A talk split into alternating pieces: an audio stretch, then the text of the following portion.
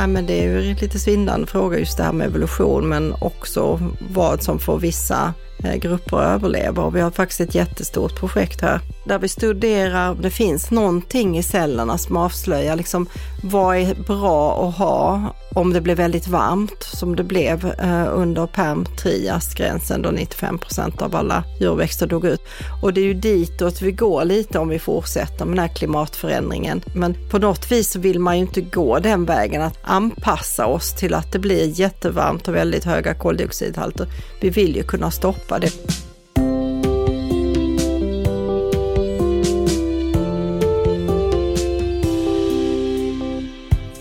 Om det finns liv i universum, varför har vi inte sett det än? Den här frågan brukar kallas för Fermis paradox efter nobelpristagaren Enrico Fermi och forskning kring liv i universum handlar ofta om att hitta olika svar på den. Och ett svar är att liv uppstår ofta, men att det inte klarar sig särskilt länge. För att encelliga organismer ska bli intelligenta och skapa civilisationer som vi kan upptäcka så måste de passera genom ett stort filter någon eller några händelser som kan stoppa utvecklingen och göra slut på livet. Men Fermis paradox och det här stora filtret handlar inte bara om rymden utan det är också en existentiell fråga för oss på jorden. Har vi det här filtret bakom eller framför oss? Eller kanske befinner vi oss mitt i det? Du lyssnar på Idéer som förändrar världen, en podd från Nobelprismuseet som idag ska handla om händelserna som har hotat livet på jorden och vad vi kan lära oss av de här nära döden-upplevelserna. Jag heter Gustav Källstrand. Och med mig för att berätta mer om jordens massutdöenden så har jag Vivi Vaida från Naturhistoriska riksmuseet. Välkommen! Tack! Ja, kan man börja bara så enkelt som vad är ett massutdöende? Ja, det, det finns faktiskt en definition för ett massutdöende men den är inte väldigt exakt. Men det är när en stor del av arterna dör ut under en geologiskt eh, kort tidsperiod, det vill säga eh, under en miljon år. Så att det är som du hör är det ganska luddig beskrivning, men eh, eh det är när ett stort eh, antal arter dör ut helt enkelt. Mm. Och en miljon år låter ju länge, mm. men det är alltså kort? Ja, det är kort ur ett geologiskt tidsperspektiv och nu de flesta massutdöenden inträffar ju snabbare än det. Mm. Finns det liksom mellanstora utdöenden, alltså perioder där många arter dör ut men inte, som ändå inte massutdöenden? Ja, det finns det. Så att den geologiska tidsskalan och eh, ja, men indelning i olika perioder är ju egentligen en reflektion av hur eh, fauna och flora har ändrats över tid. Så det finns ju flera Eh, event som vi kallar det, som är lite mindre men ändå ganska tydliga. Och ofta är de då kopplade just till klimatförändringar eller, eller att eh, havsytan har höjts eller sänkts på grund av att is har eh, ja, bildats eller eh, smält. Eh, men sen finns det också mer eh, dramatiska där en asteroid har slagit ner och eh, liv har dött ut mer på en gång så att säga. Vivi Vaidan är professor vid Naturhistoriska riksmuseet och forskar inom paleontologi och paleobotanik. Hennes specialitet är vad som hände med livet på jorden när asteroiden som utrotade dinosaurierna slog ner för 66 miljoner år sedan. Genom att förstå det utdöendet kan vi bättre förstå tidigare katastrofer i jordens historia och hur människans påverkan på miljö och klimat idag kan leda till ett nytt massutdöende.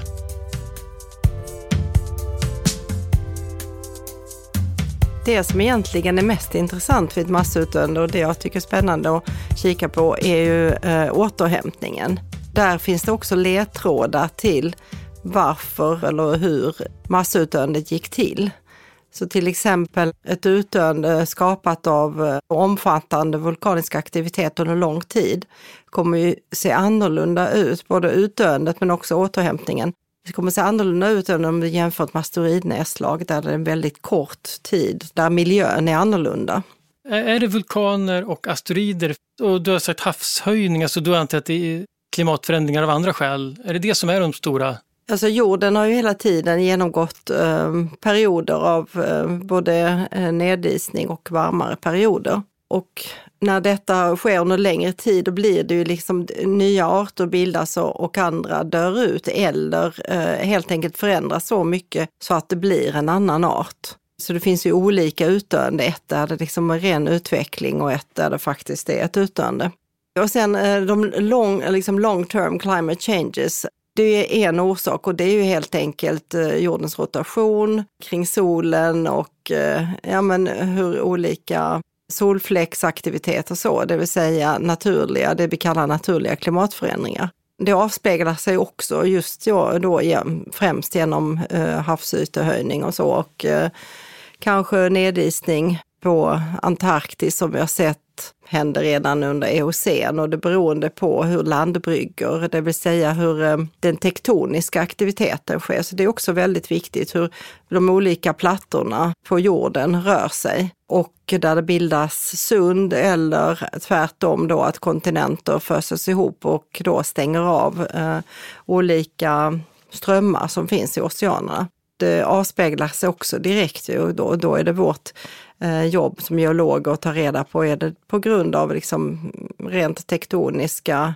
förändringar eller är det klimatförändringar ur ett långt tidsperspektiv? Det vi kallar mer naturligt. Eller så inträffar ju också såklart mer dramatiska klimatförändringar. Och de här riktigt stora massutdöenden, då är det i allmänhet vulkanisk aktivitet eller asteroidnedslag och nu senast då eh, Homo sapiens eller människan.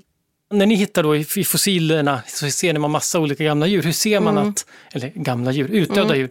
Hur ser man att eh, här, liksom, här har det varit ett utdöende, hur ser man att mm. takten har ändrats? Alltså det ser vi ganska tydligt när vi, det är när vi samarbetar, flera forskargrupper och flera forskare. Alltså vi jämför olika djur och växtgrupper och deras eh, existens eller eh, frånvaro av eh, i lagerföljderna. Och rent statistiskt är det faktiskt ganska enkelt och, och mest, eller man ska man säga, det vassaste verktyget är nog mikropaleontologi, där vi helt enkelt tittar på mikrofossil. För att mikrofossil, där, där hittar du ju flera tusen ett enda gram av eh, sediment, eller det kan ju vara hundratusentals. Det kan vara pollen, spor, alger eller det kan vara olika typer av plankton från marina miljöer. Och när man då tar centimeter efter centimeter när man inser att här har det hänt något, då går man ju in och tittar väldigt noga. Och då, eh, om du analyserar varje prov så ser du en stor förändring, statistisk förändring. Och då kontaktar du dina kollegor som arbetar med eh, djur och, och, växter, det vill säga makrofossil, eh, och sammanställer data med den. För de är ju inte lika exakta, för om du tänker dig att du har en dinosaurie, den hela kroppen av dinosaurien, eller en stor växt för den delen, den omfattar ju kanske flera meter i lagerföljden. Mm. Så att det, det blir inte så tydligt. Men enkelt sagt och i sammanfattning så kan man väl säga att vi ser helt enkelt att det är utdöende av många eh, djur och växtgrupper samtidigt och det ser vi ganska tydligt i lagerföljderna. Enrico Fermi, som ligger bakom Fermis paradox, fick Nobelpriset i fysik 1938. Att få Nobelpriset det är stort för de flesta som får det, men för Fermi var det direkt livsviktigt. Han kom från Italien och hans fru kom från en judisk familj. 1938 så hade den fascistiska regeringen infört raslagar efter tysk modell och det gjorde att Fermi och hans familj inte längre kunde lämna landet. Men i november kom nyheten att Fermi hade fått Nobelpriset. Och priset var en så stor ära att han faktiskt tilläts resa och han fick ta med sig sin familj. Efter firandet i Stockholm återvände de inte till Italien utan reste raka vägen till USA där Fermi blev en viktig del i Manhattan-projektet. I ett laboratorium under fotbollsplanen på University of Chicago byggde han den första fungerande kärnreaktorn. Det som är eh, superspännande tycker jag just med forskningen också, det är att länka ihop det som händer på land och i eh, haven. Och ett väldigt bra sätt är att eh, leta upp eh, lager som när de avsattes var i havet men nära strand. Som du tänker dig att du går ut och badar eh, en badstrand, vadar ut en 100 meter. Om du då tar en näve sand eller lera i handen så kommer du hitta både mikroplankton men också pollen och spår från land. Och det är ju det som är så himla spännande, att du, om du då tänker dig en borrkärna rakt ner i en sjö till exempel, då kan du se vad som hände på land och när det var bränder och så, men också när det hände något i sjön eller ute i havet.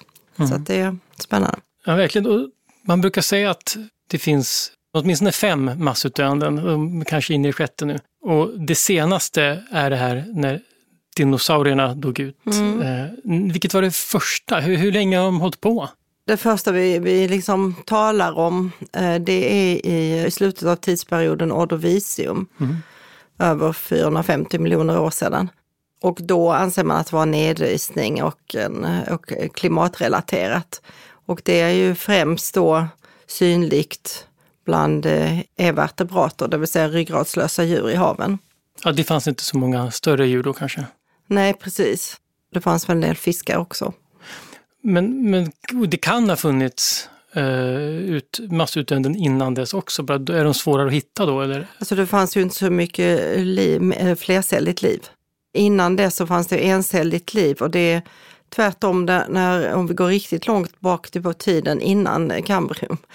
Um, då tror vi att det fanns, då anser många forskare att jorden var en snowball earth, det vill säga vi var ett enda stort snöklot. Och det är faktiskt efter det, när det smälter, som vi får en mängd olika ja, cyanobakterier och alger i haven som då börjar producera eh, syre med fotosyntes. Men då är vi ju väldigt långt bak i tiden. Mm. Så att vi räknar med det flercelliga livet. Liksom. Och sen var det ju senare i slutet av devon och då var det rätt mycket groddjur som dog ut. Sen blir det också lite skevt, det beror på vad det finns forskare som kan, eh, vad det finns pengar för forskning. Så det finns ju vissa delar av jorden, men även, det är ju likadant med meteoritkratrar. Det är ju egentligen en reflektion av vad det finns medel också. Till exempel hittas väldigt få i centrala Sydamerika och, och Afrika och så. Eh, och det, det avspeglar sig lite det vi kallar för en, en bias in mm. science. Men nu när vi har liksom börjat sätta ihop, eh, lägga ihop databaser eh, i ett stort sån här paleo-data database, eh, då framgår det rätt tydliga ja, men skillnader just i slutet av vissa tidsperioder. Och det är också så att det vi ser i det fossila arkivet bland djuren, det syns också i sedimenten, det vill säga oftast är det så att det sammanträffar då med att sedimenten helt byter färg. Det kan få gå från kol till sandsten. Och sen hade vi det största utdöendet i jordens historia som var i slutet av tidsperioden Perm för 250 miljoner år sedan. Mm.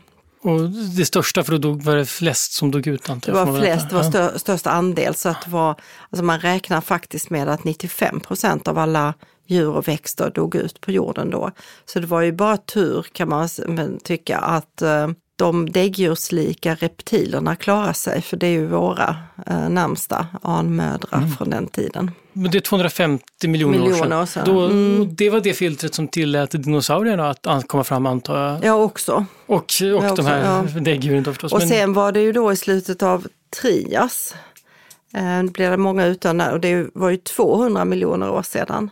Okej, så det är till där? Ja, Trias-Jura-gränsen. Och det är ju där eh, dinosaurierna kan man säga att många av de äldre typerna av reptiler försvann. Dinosaurierna klarade sig och det gjorde då att de faktiskt utvecklades till att bli de här jättestora dinosaurierna under juratiden. Så att det är väl så att det är ju några som förlorar och några vinner på det om man säger så. Och, oftast eh, efter ett massutdöende då sätter revolutionen iväg på turboeffekt, brukar jag säga. Mm. Att det blir snabbare, det blir mycket experimenterande, olika djur och växtgrupper som sedan hänger med ett tag men som försvinner sen när det blir en stabilare miljö. Är det för att det helt enkelt finns massa lediga nischer i naturen som det, det finns liksom plats att sprida sig på? Ja, precis. Och, och eh, avsaknad av många av um, predatorerna, det vill säga de som äter upp Just det. dem. Oftast det vi ser först, det är faktiskt en jättestor förändring i sammansättning av arter. Till exempel, det kan vara så att det jag går på om jag ska titta när nästa utdöende, då när dinosaurierna dog ut, eller även vid Permtrias, om jag då tittar i mikroskopet, så det första jag ser är att det går från en mängd olika pollen och sporer till bara ormbunkssporer. Mm. Det kan ju ske naturligt när floden ändrar sitt lopp eller så, men det kan också vara en del av något mycket större. Men just där så betyder inte det att det är utdöende, för det kan ju vara så att i lagren en halv meter upp eh, att jag återfinner allt det här som fanns innan. Så att ofta faktiskt, så att det enklaste sättet att upptäcka ett utdöende är helt enkelt att titta på sammansättningen av arterna. Och det gäller ju inte bara mikrofossilväxter utan även djur. Att mm. miljön efter ett utdöende kan bli så annorlunda så att det blir en helt annan typ av um, djur eller växter som trivs i det. Fast de andra som det fanns gott om innan kanske också finns kvar så att det behöver inte vara att de dör ut, mm. men de blir mycket färre så att det ser ju helt annorlunda ut i ekosystemet. Och det är väldigt klurigt att fundera ut varför detta händer. För ibland är det så här, nej men det blir ganska lik miljö igen efter liksom, ja, några hundratusen år. Varför eh, återhämtar inte sig den? Men då kan det vara faktiskt att någon bara hunnit före växten eller djuret kan då aldrig... Ta tillbaka sin plats? Ja, ta, ta, ja precis. Rota sig. Just det. Man kan liksom aldrig förutse vad som kommer att hända och vilken art som är så viktig. Och jag tycker de här studierna från eh, vissa av de här USAs nationalparker, man har gjort, man liksom tagit eller återinfört vargen och så blir det helt andra konsekvenser än vad man trodde för att det påverkar en helt annan del av närkedjan. Och det är väl där vi har svårt att ibland förstå, men vad var det egentligen som hände? Varför blev dinosaurierna plötsligt jättestora? Att, ja, men det, det är väldigt mycket olika pusselbitar att ställa ihop och, och mycket att fundera över. Och jag tänker dinosaurierna fanns väl då i, om jag tittar rätt på mina anteckningar om olika tid, de måste ha mm. funnits i 150 miljoner år nästan mellan massutdöendena. Ja, men det stämmer. Och då, de var ju inte likadana hela tiden så Nej. det sker ju uppenbarligen. Det har skett väldigt stor utveckling och skillnader, ja precis. Men om vi tar då det här 66 miljoner år sedan, mm. eller 65, när det, har man hört 66 är det nu. Är det, 66 nu, det är väldigt eh, noggranna dateringar. Det är också en sak som händer, att dateringsmetoderna blir bättre och bättre, så det är ju helt fantastiskt. Det är ju i vissa fall nere liksom på plus minus 10 eh, 000 år, vilket ju är helt galet om man tänker sig att eh, materialet är 66 miljoner år. Liksom. Mm. Ja, men man vet att då slog det ner en asteroid på jorden mm. i alla fall. Så. Och det är ett ganska pedagogiskt exempel på ett, på ett massutdöende. Nu har vi pratat liksom generellt, men om man tar det mm. specifikt, då, då, det, är då, det är inte så. För det vet jag att när jag hörde talas om det här när man gick i skolan, så där, tänker man, då var väl det då slog det väl ihjäl alla dinosaurierna på en dag. Men det är inte det som händer då, utan det, det, är mer komplicerat. Ja, men det är mer komplicerat, men naturligtvis är det just att det är en enorm förändring. Egentligen dör ju inte alla dinosaurierna ut, för vi har fåglarna idag, de härstammar från dinosaurierna. Så att väldigt små dinosaurier som levde på marken i uh, hålor främst, de klarade sig. De har sen utvecklats till att bli trädlevande. Mm. Så att det är faktiskt inte de trädlevande dinosaurierna som klarar sig, utan det är alltså de här, um, ja men de som burrowing, mm. som kunde gömma sig. Grävde ner sig. Ja, som grävde ner sig. Men sen det hände ju så väldigt mycket mer eh, i haven. Det var ju mm, motsvarigheten till, till dinosaurierna, det vill säga mosasaurerna och eh, de vi kallar svanhalsödlorna dog ut.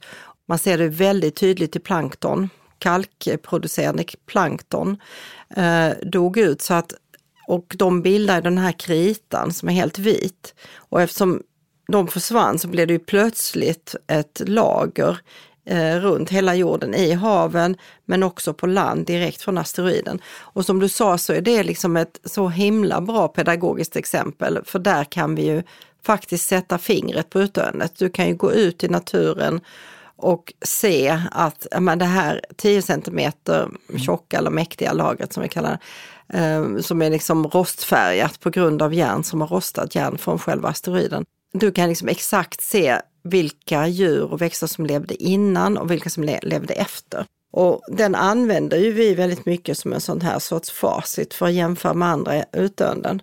För att vid andra utdöenden är det väldigt svårt att sätta fingret på exakt liksom att här hände det. Och där är utmaningen att om, om du är geolog och ute och tittar i Sverige till exempel så ser du så här, ja men här har vi ju gränsen mellan Trias och Jura och så din kollega då från Kina eh, hittar liknande. Men hur kan ni veta att ni är på exakt samma nivå? Mm. Och det vet vi med det här i slutet av eh, Krita då eftersom asteroiden slog ner. Och då kan vi applicera det på andra utdöenden. Till exempel så eh, tittar du på mikrofossil, pollen, vilka har vi under Och så kan man ta då varje centimeter eller decimeter ovanför och se liksom att jaha, okej, okay, de här växterna dog ut, men vi hittar ju fortfarande en del pollen. Är det som det har liksom rörts om? Eller är det så att några har överlevt ungefär i en sju meter ovanför gränsen och sen försvunnit? Och med det viset har vi kunnat lösa till exempel gåtan med Permtriasgränsen, det som hände då utdöendet för 250 miljoner mm. år sedan. Och kunnat säga att nej, utdöendet var faktiskt inte här uppe utan det var 10 meter längre ner där den stora förändringen hände. Att några växter eller djur överlevde eller kanske omlagrades, liksom blandades om.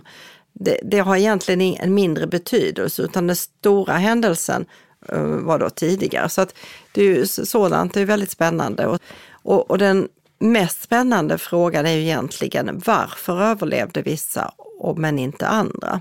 Så att det är ju en mm. fråga man kan ta med sig liksom till nutida forskning. Ja. Och varför dog de, de som dog? Vi börjar där bara. Ja, men alltså det, det som hände just vid då, eh, slutet av krita när asteroiden slog ner, det var ju just att det blev mörkt och kallt. Och framförallt mörkt, så fotosyntesen stannade av. Och det är för att det kom upp massa damm ja, precis. och saker i atmosfären? Ja. Och asteroiden slog ner uh, i uh, kalksten gips på Yucatanhalvön i Mexiko. Och man kan åka dit och titta, det är liksom samma kalksten man står på än idag, så det är rätt häftigt. Du har varit där antar jag? Ja, ja, jag var, ja precis. Ja, det är klart. Det är spännande. eh, och och liksom analysera materialet helt enkelt. Och gips innehåller mycket svavel.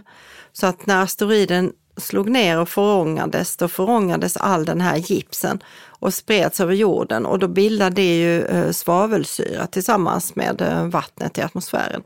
Eh, så att det, kanske om den hade slagit ner i någon annan i, i granit, då hade det kanske inte blivit så stora konsekvenser till exempel. Så det är också spännande. Och då kan man säga att det blev både klimat i och med att det blev väldigt kallt under kort tid, men framför allt att det blev mörkt plankton i haven dog, alla liksom plankton som behövde fotosyntes, alla mm. växtplankton, som i sin tur behövdes för andra, alltså olika fiskar och större plankton. Var det därför du alla havslevande? Ja, det är ju som... därför näringskedjan slogs sönder helt och hållet. Och sen på land lika så, växterna försvann och då försvann ju de stora växtätande djuren och sedan rovdinosaurierna. Mm. Och de dominerade ju verkligen jorden så mycket så att det mest utvecklade däggdjuret som levde under dinosauriernas tid var ju ett väldigt litet djur. En insektsätare som dagens igelkotta. Mm. Men de klarade sig? Och de klarade sig. De var ju vana att leva lite så här mörker och undanskymt, så de, man tror att de var nattlevande just för att slippa undan dinosaurierna. Eh, de levde i hålor.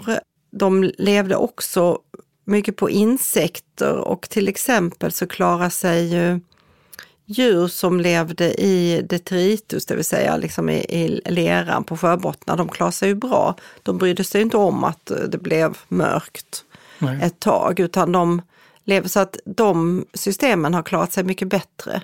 Och det är just sånt man kan säga vid massutdöenden, vilka var överlevarna och vilka dog? Och med hjälp av det kan man ju dra mycket slutsatser. Mm. Men, I det här fallet mm. tittar man väl just asteroiden på andra sätt. Men, det, då antar att, men även om man inte hade så att säga, eh, förstått att det var asteroid så skulle man kunna dra slutsatsen utifrån vilka som överlevde och på vilket sätt de klarade sig lite grann och hur själva utseendet, alltså orsakerna mm. antar jag. Alltså, till exempel vid detta utdöende då, asteroiden, forskarna var väldigt frågande under lång tid för att man menade så här stort utdöende kan ju inte ske över en natt så att det mm. måste vara så att det saknas en massa lagerföljd. Så att under lång tid så diskuterar man, det måste ju saknas jättemycket sten och sediment och att jättemycket tid har passerat som vi inte ser. Och därför blev det en sån stor skillnad. Ända till då paret Alvarez, alltså far och son, mm. eh, analyserade det här lagret och det gjorde de just för att se på det kosmiska nedfallet. Vi får ju hela tiden partiklar från kosmos och med hjälp av det så kan vi ju tala om hur lång tid som har passerat. Och de tänkte att nu ska vi verkligen ta reda på hur mycket det här gränslaget representerar, för det har ju retat alla liksom och det var mycket frågeställningar. Så de var inte alls inställda på att hitta spåren av en asteroid.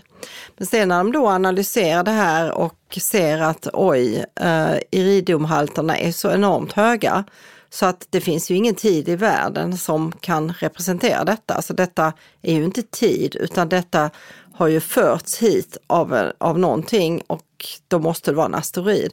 Det var inget eh, hiatus som man kallar på geologispråk. Det var ingen, inget avbrott i tid och sedimentation utan det var helt enkelt en eh, extraterrestriskt objekt som slagit ner.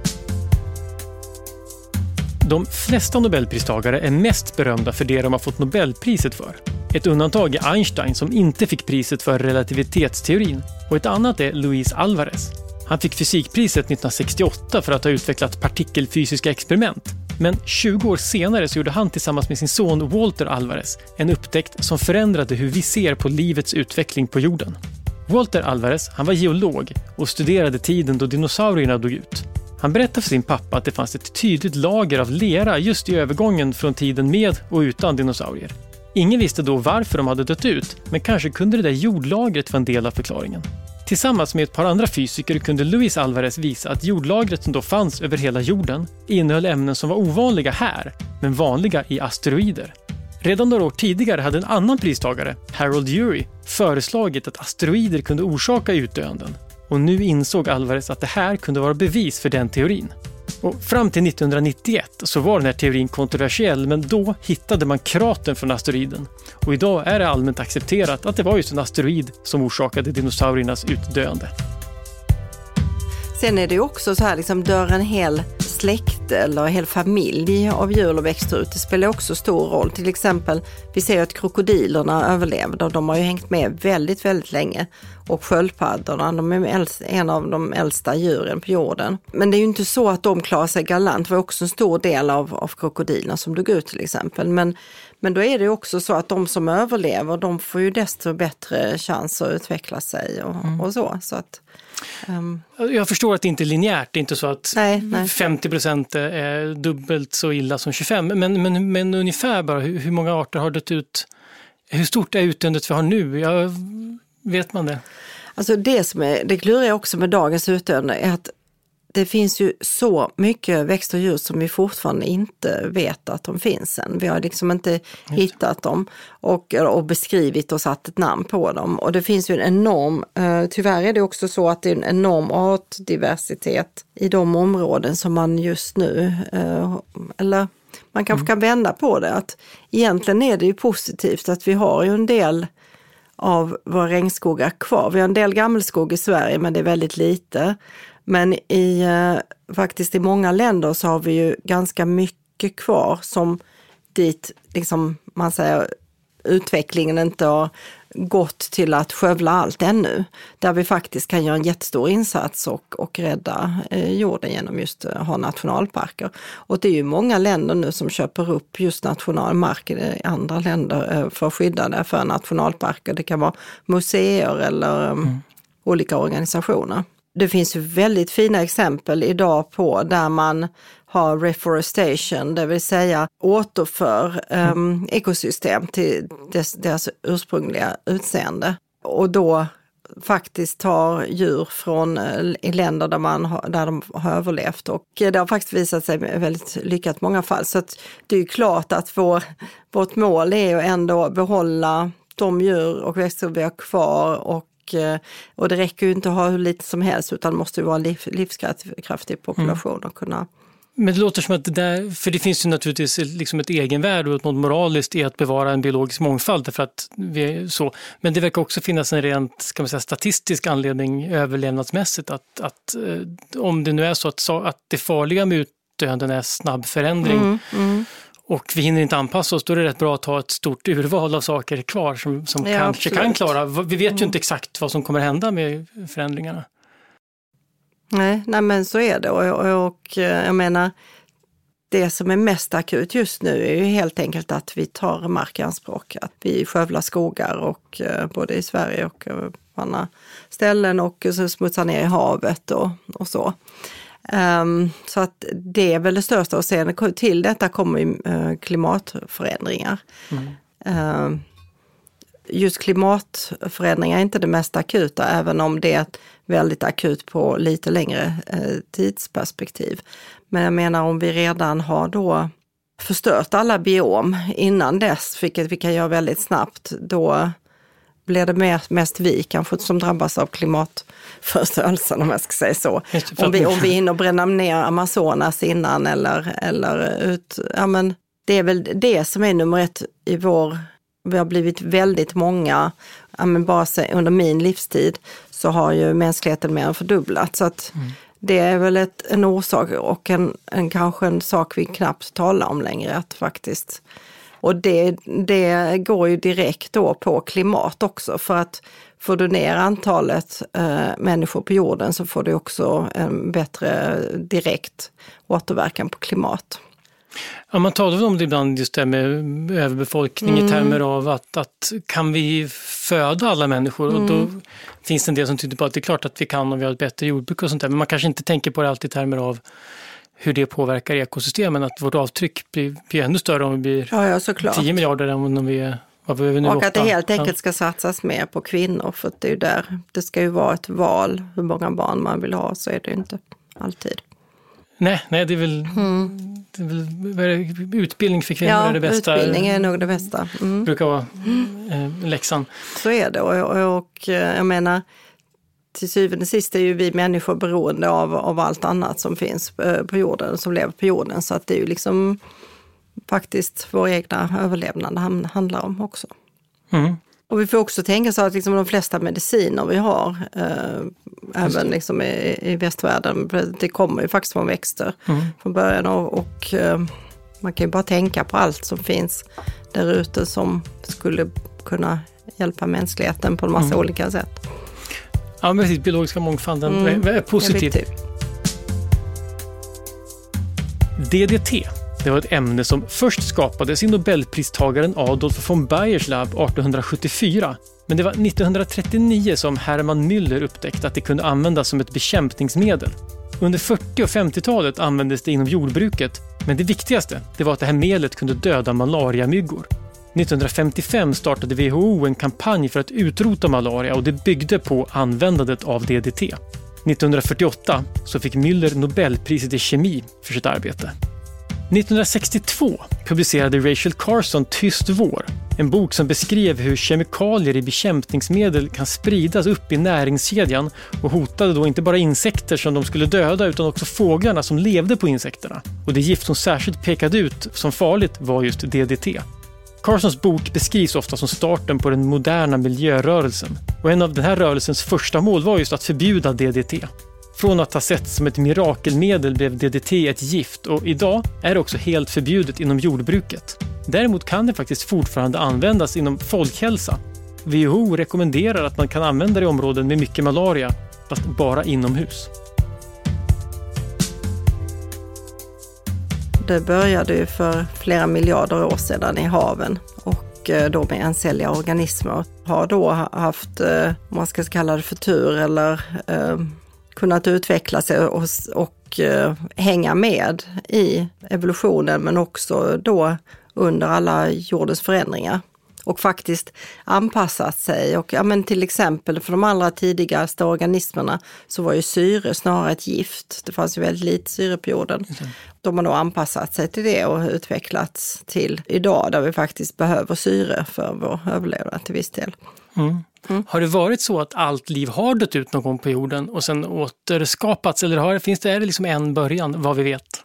Nej, men eh, det, det har vi nog inte sett att allt liv har dött ut på jorden utan ja, men det är ju en lite svindlande fråga just det här med evolution men också vad som får vissa eh, grupper att överleva. Och vi har faktiskt ett jättestort projekt här genom Wallenbergs, eh, där vi studerar växter, både där vi sätter in växter i olika kammare med olika koldioxidnivå för att se vad som händer vid väldigt höga koldioxidnivåer. Vi vet ju att eh, nivåerna är på väg upp idag och ser eh, då på molekylär nivå eller på, nere på cellnivå, vad händer egentligen? Man kan titta på bladen, man kan också göra olika försök vad som händer rent genetiskt. Och sen jämför vi då med växter eh, som har klarat sig eh, respektive inte klarat sig över olika utdöende-event. Och se om det finns någonting i cellerna som avslöjar liksom, vad är bra att ha om det blev väldigt varmt som det blev eh, under perm triasutdöendet. Och det är ju ditåt vi går lite om vi fortsätter med den här klimatförändringen. Den närmsta jämförelsen är nog faktiskt Perm Trias-gränsen då 95 procent av alla djurväxter dog ut när det blev ändå under ganska relativt kort tid eh, väldigt varmt och torrt. Och det var ju e-, extrem vulkanisk aktivitet i det som idag är Sibirien, kallas Siberian Traps. Det var mm.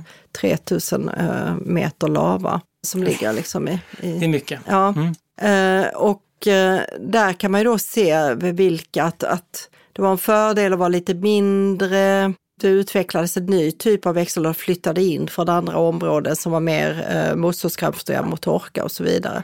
Så sånt är ju spännande att, att kika på och kan ge svar på mycket. Men på något vis vill man ju inte gå den vägen att ja, men ska vi nu anpassa oss till att det blir jättevarmt och väldigt höga koldioxidhalter.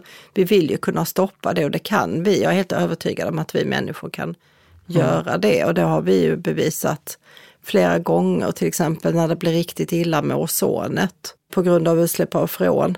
Då gick ju faktiskt alla nationer ihop och eh, bestämde sig att det här förbjuder vi och, och sen dess så har vi ju faktiskt ett väldigt bra ozonskikt. Mm. Och eh, ja, men inte minst nu pandemin, att vi lyckades framställa vaccin väldigt snabbt. Så att vill vi verkligen så, så tror jag vi kan.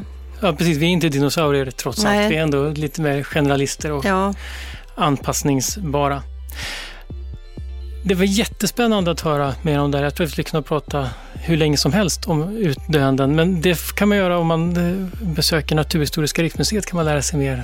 Ja, både liksom eh, utställningarna, vi har ju utställningar om både evolution och fossil och djur i allmänhet.